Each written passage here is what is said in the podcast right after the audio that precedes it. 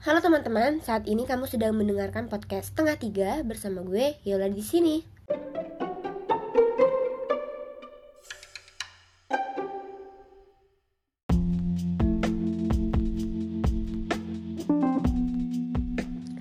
Oke, uh, selamat pagi, siang, sore, dan malam untuk teman-teman yang lagi mendengarkan podcast ini uh, kapan pun dan di mana pun teman-teman berada.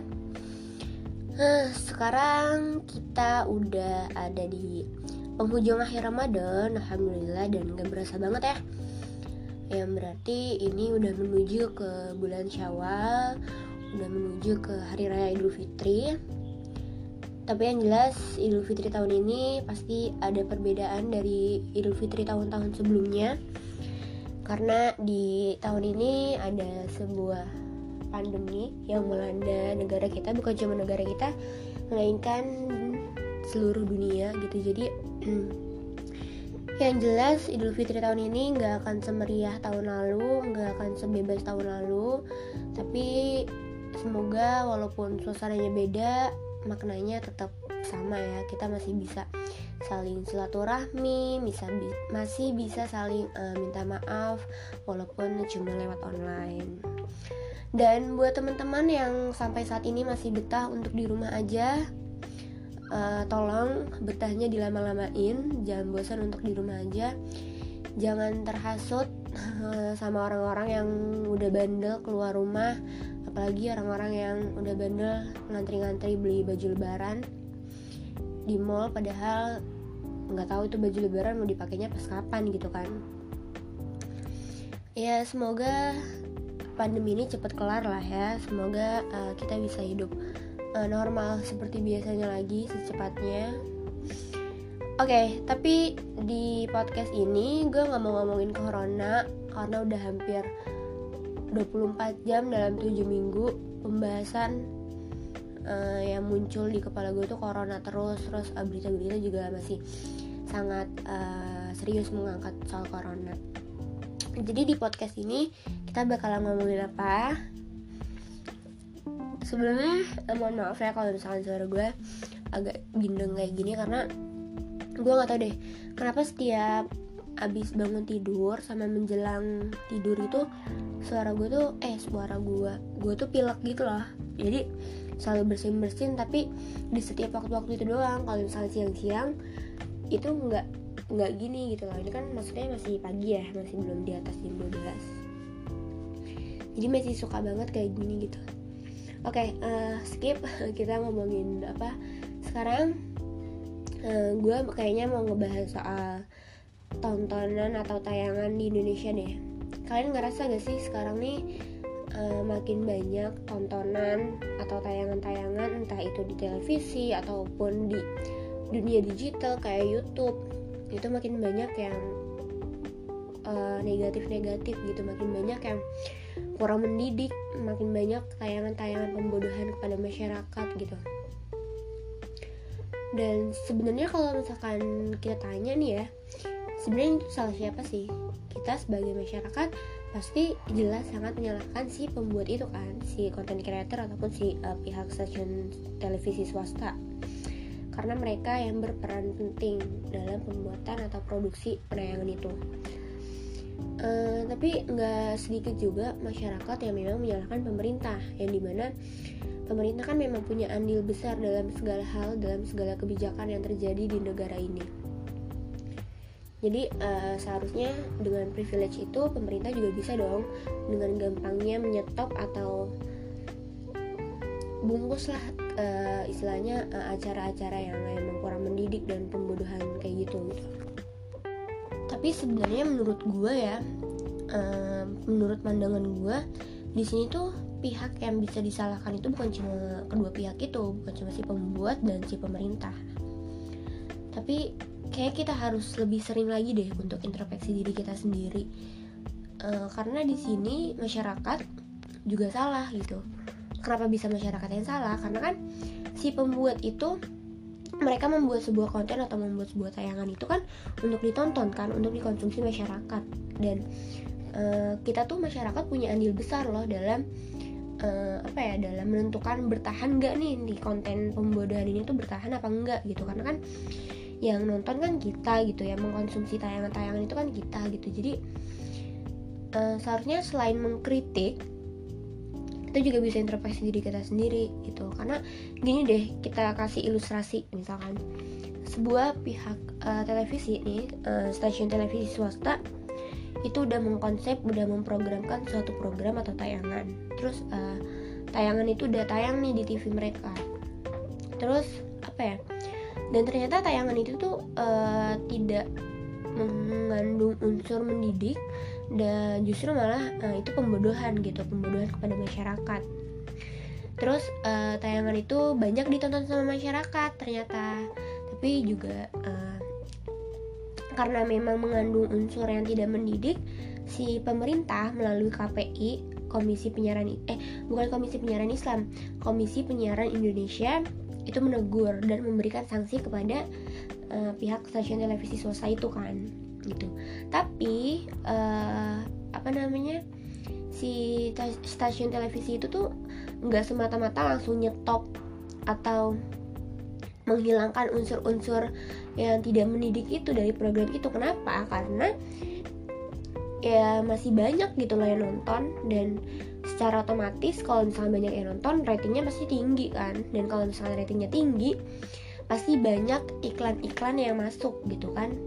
Dan itu udah jelas sangat menguntungkan si perusahaan uh, eh, TV itu. Jadi uh, si TV ini masih bisa ngeyel ke, pemerintah. Kenapa ya? Soalnya penikmatnya masih banyak kok. Masyarakat yang nonton masih banyak kok gitu. Ya gak sih? Gitu makanya uh, di sini tuh masyarakat bisa uh, ngambil kebijakan juga gitu. Kita sebagai seorang masyarakat yang menikmati dan mengkonsumsi tayangan-tayangan tersebut seharusnya bisa selektif lagi untuk milih-milih uh, tayangan-tayangan yang lebih bermanfaat untuk diri kita. Coba ilustrasinya kita balik gitu. Uh, ada sebuah tayangan TV yang tidak mendidik tapi masyarakat juga nggak tertarik untuk lihat itu gitu. Uh, yang lihat atau yang nonton itu uh, dikit lah uh, pokoknya kayak gitu. Dikit berarti kan ratingnya nggak uh, tinggi ya. Berarti kalau ratingnya nggak tinggi ya iklan nggak bakalan masuk lah gitu. Mana mau sih iklan yang uh, mengiklankan produknya ke apa namanya ke program-program yang nggak banyak dilihat sama masyarakat. Dan otomatis kalau misalkan uh, eh, KPI KPI menegur atau memberikan sanksi terhadap program itu karena program itu ya emang nggak ada peminatnya nggak banyak yang lihat ya secara otomatis si apa namanya si TV itu dengan sangat legowo untuk memberhentikan program itu ya kan? Jadi kalau misalkan di sini kita menyalahkan si uh, pembuat itu uh, kayak uh, pokoknya kita menyalahkan gimana sih kok bikin konten yang gak mendidik terus? gitu. Terus si pihak uh, pembuatnya itu juga bisa menyalahkan kita dong sebagai masyarakat. Loh kok cuma saya yang disalahkan gitu? Istilahnya mereka bilang kayak gitu toh uh, yang nonton masih banyak kok gitu. Berarti kan masyarakat juga menikmati tontonan yang tidak mendidik seperti itu. Jadi di sini eh, yang butuh pembenahan bukan cuma di pemerintah eh di uh, si pembuatnya itu tapi kita juga sebagai masyarakat juga harus uh, lebih uh, selektif dalam memilih-memilih uh, konten-konten atau tayangan-tayangan yang kita tonton. Terus uh, ada di pihak pemerintah juga. Pemerintah melalui KPI juga seharusnya bisa lebih tegas untuk memberi sanksi atau bisa bahkan bisa uh, lebih tegas lagi untuk uh, menyetop tayangan-tayangan yang memang dirasa sudah tidak mendidik dan sudah tidak ada manfaatnya untuk uh, dilihat sama masyarakat gitu.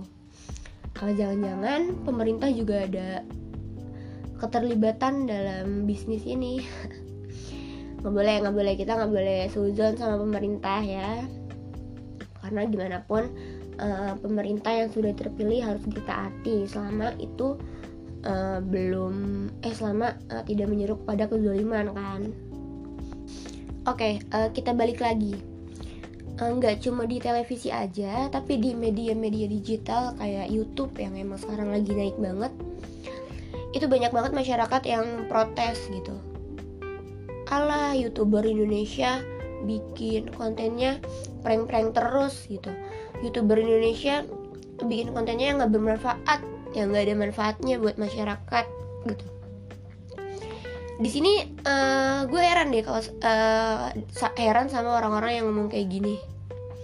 Kenapa mereka bisa menilai youtuber Indonesia gitu? Padahal masih banyak banget youtuber-youtuber Indonesia yang justru konten-kontennya itu sangat bermanfaat gitu. Jadi kayaknya orang-orang yang bilang kayak gini tuh mereka kurang main gitu. Mereka kurang research. Karena jujur ya emang banyak banget kasihan sama youtuber-youtuber Indonesia yang memang uh, punya tujuan untuk uh, mengedukasi masyarakat tapi channel-channelnya itu nggak terlihat. Karena kenapa? Karena masyarakat itu lebih suka untuk apa ya untuk memberi panggung kepada yang negatif-negatif. Coba bayangin deh selama bulan Ramadan ini aja udah berapa banyak berita negatif berita yang bikin kita jengkel yang uh, viral yang viral di bulan Ramadan aja gitu. Dari mulai yang Ferdian Pelaka sampai yang kemarin terakhir yang lelang keperawanan gitu kan. Jadi di sini uh, bukan salah youtuber si konten atau si konten creator ini gitu ya yang tidak memproduksi tayangan eh, tayangan-tayangan yang mengedukasi tapi salah kita juga gitu. Kenapa kita lebih uh, lebih memilih untuk memviralkan untuk memberi panggung kepada konten-konten yang negatif gitu konten-konten yang kontroversial gitu. Karena kesian banget jujur ya. Gue tuh uh, kesian sama youtuber-youtuber yang emang channelnya itu sangat mengedukasi masyarakat sangat bermanfaat bagi masyarakat. Tapi bahkan subscribernya itu nggak nyampe satu juta coy kalah telak dari konten-konten yang emang cuma isinya prank-prank atau cuma kayak daily vlog yang uh, minim lah ya istilahnya minim minim edukasi sama buat masyarakat. Makanya gue tuh bingung deh uh, bingung sama netizen Indonesia ya kenapa gitu ya cepet banget untuk memviralkan hal-hal yang negatif gitu. Padahal kan banyak gitu berita berita-berita yang lebih positif lagi yang lebih baik untuk diviralkan gue curiga nih netizen netizen Indonesia tuh lebih suka uh, menjudge lebih suka menghakimi daripada mengapresiasi sesuatu atau seseorang ya gak sih? Karena kalau misalkan ada berita nih ada berita negatif yang uh, misalkan udah tersebar gitu nah itu pasti akan lebih cepat lagi untuk tersebarnya. Udah jadi trending Twitter udah jadi trending YouTube dan bahkan kan ya kita bisa lihat sendiri gitu trending-trending YouTube lebih banyak tuh apa sih gitu? Maksudnya lebih banyak konten seperti apa gitu yang trending di YouTube Indonesia? Ya paling banyak tuh isinya prank-prank gitu. Tau nggak berita-berita? Kalau misalnya berita-berita ya masih bagus lah ya. Berarti kan uh, orang Indonesia masih melek gitu masih melek berita masih update masih mau update uh, dirinya untuk uh, bisa tahu tahu soal berita gitu. Tapi kalau misalnya untuk konten-konten yang kayak gitu yang konten-konten yang dengan tanda kutip tidak bermanfaat, tidak mengedukasi itu untuk apa coba diviralkan? Makanya gue tuh uh, kalau misalnya kayak konten-konten kayak gitu ya, gue pribadi sendiri kalau misalkan ada sesuatu yang tren nih, misalkan ada sesuatu yang viral tentang konten-konten yang negatif kayak gitu, gue memilih untuk baca aja, untuk tahu, sekedar tahu, tapi nggak ikut memviralkan. Kenapa? Ya ngapain kita ngasih panggung ke orang-orang bodoh? Ngapain sih kita ngasih panggung ke orang-orang yang cuma nyari sensasi cuma pansos gitu kan. Mendingan ngasih panggung yang emang orang-orang berprestasi. Iya jadi uh, di sini kita yang punya kendali atas diri kita sendiri untuk memviralkan untuk menonton tayang-tayangan yang seperti apa yang menjadi konsumsi uh, pribadi kita gitu. Terus gimana sama anak-anak? Sekarang kan banyak banget ya anak-anak yang memang uh, apa ya bahkan kayak anak SD deh anak SD tuh udah pada pacar-pacaran udah pada mesra-mesraan itu banyak uh, termotivasi dari sinetron-sinetron di Indonesia gitu. Nah gimana cara ngatasin ini? Kalau misalkan kita kan kalau kita sebagai seorang yang udah remaja istilahnya udah udah bisa lah gitu udah mikir udah bisa nentuin gitu mana konten yang baik dan juga yang buruk. Tapi kalau misalkan anak-anak kan pasti semua yang yang ada ya ditonton aja gitu sama mereka gitu. Terus kalau misalnya ada adegan-adegan yang kurang baik kan mereka belum terlalu mencerna itu untuk uh, ditiru atau enggak kan gitu. Nah uh, balik lagi nih di sini uh, peran yang paling penting untuk mengkontrol untuk memantau si anak-anak itu ya orang tua gitu. Kan siapa lagi kalau misalkan bukan orang tuanya sendiri? Orang tua sendiri seharusnya uh, bisa lebih apa ya lebih punya uh, ketegasan untuk mendisiplinkan anak mendisiplinkan anak-anaknya gitu supaya ya apa supaya yang mereka yang anak-anaknya tonton yang anak-anaknya lihat gitu uh, bisa memperbaiki moral bukan justru malah um, merusak moral anak-anak gitu. tapi sayangnya orang tua sekarang tuh kayaknya semuanya ya semua bukan cuma orang tua semua lapisan manusia di dunia ini tuh udah terhipnotis sama gadget gitu. Jadi banyak banget yang justru acuh sama anaknya sendiri lebih milih untuk uh, ngasih gadget ke anak-anaknya gitu. Jadi uh, mereka bisa bebas untuk uh, gadget uh, apa mereka bisa lebih bebas untuk mainin gadget mereka. Jadi ya mereka ngasih gadget ke anak-anaknya. Padahal ini sangat bahaya. Kita tahu gadget dunia digital itu jauh lebih berbahaya daripada TV kalau misalkan TV ya pengawasan TV itu kan udah diawasin sama KPI sementara kalau misalkan di YouTube di Netflix itu tuh uh, kata Kominfo KPI itu belum punya kendali untuk mengawasi itu, untuk mengawasi di, uh, dunia digital. Jadi akan lebih bahaya lagi kalau misalkan anak-anak itu dibiarkan untuk uh, mengkonsumsi gadget setiap hari tanpa pengawasan dari orang tua. Oke, okay, uh, eh, jadi pada intinya nih ya, pada intinya pada permasalahan ini kita nggak cuma bisa menyalahkan satu pihak aja atau cuma dua pihak, tapi uh, semua pihak gitu. Karena ini tuh ibaratnya kayak lingkaran setan. Kita menyalahkan ini si pihak ini menyalahkan ini. Kita menyalahkan ini si pihak ini menyalahkan itu gitu. Jadi semuanya salah lah dalam lingkaran itu lingkaran setan gitu semuanya salah. Dan ini butuh pembenahan dari semua pihak bukan cuma dari si pembuat itu tapi juga pihak uh, si pembenahan dari pemerintah juga kita sebagai uh, masyarakat yang mengkonsumsi tayangan-tayangan tersebut gitu. Kita mulai dari diri kita aja dulu untuk lebih selektif lagi lagi-lagi lebih selektif dalam memilih konten atau tayangan-tayangan yang pantas untuk kita tonton yang pantas untuk kita konsumsi gitu. Karena gue pernah mengutip perkataan Deddy Corbuzier di uh, hitam putih. Tontonan yang kita tonton uh, saat ini itu bisa akan menentukan nasib kita di akan di masa yang akan datang gitu. Jadi penting banget untuk lebih selektif lagi dalam hal ini. Karena itu tuh yang menentukan kita dan kita juga yang akan menanggung itu ya gak sih? Jadi ya semoga uh, teman-teman semoga semua masyarakat di Indonesia juga lebih melek terkait ini. Bisa lebih mencintai tontonan-tontonan yang lebih mengedukasi daripada tontonan yang cuma sekedar menghibur tapi tidak mengedukasi sama sekali. Ya semoga selera masyarakat Indonesia lebih beralih lah ke hal-hal yang lebih bermanfaat gitu supaya nanti sumber daya manusianya juga lebih berkualitas ya kan? Kalau misalkan kita setiap hari mengkonsumsi hal-hal yang yang bermanfaat yang banyak unsur kebaikannya pasti kan itu mempengaruhi kan mempengaruhi uh, pola pikir kita mempengaruhi segala macamnya lah dalam diri kita gitu. Uh, jadi itu aja sih. Dan oh ya uh, sebelum mengakhiri podcast ini gue pribadi Syaulai dari Skia uh, dan juga keluarga mau minta maaf ke teman-teman yang mendengarkan ini mohon maaf lahir dari batin.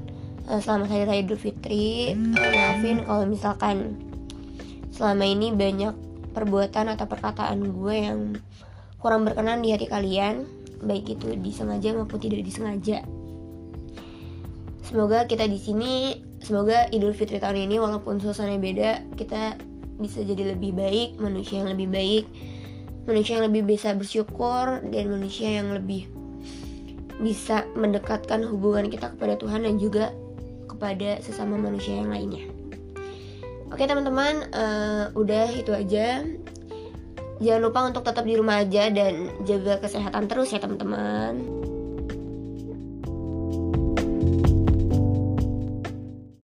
Terima kasih teman-teman, kamu sudah mendengarkan podcast setengah tiga episode ini. Jangan lupa ya dengerin lagi episode-episode selanjutnya. See you!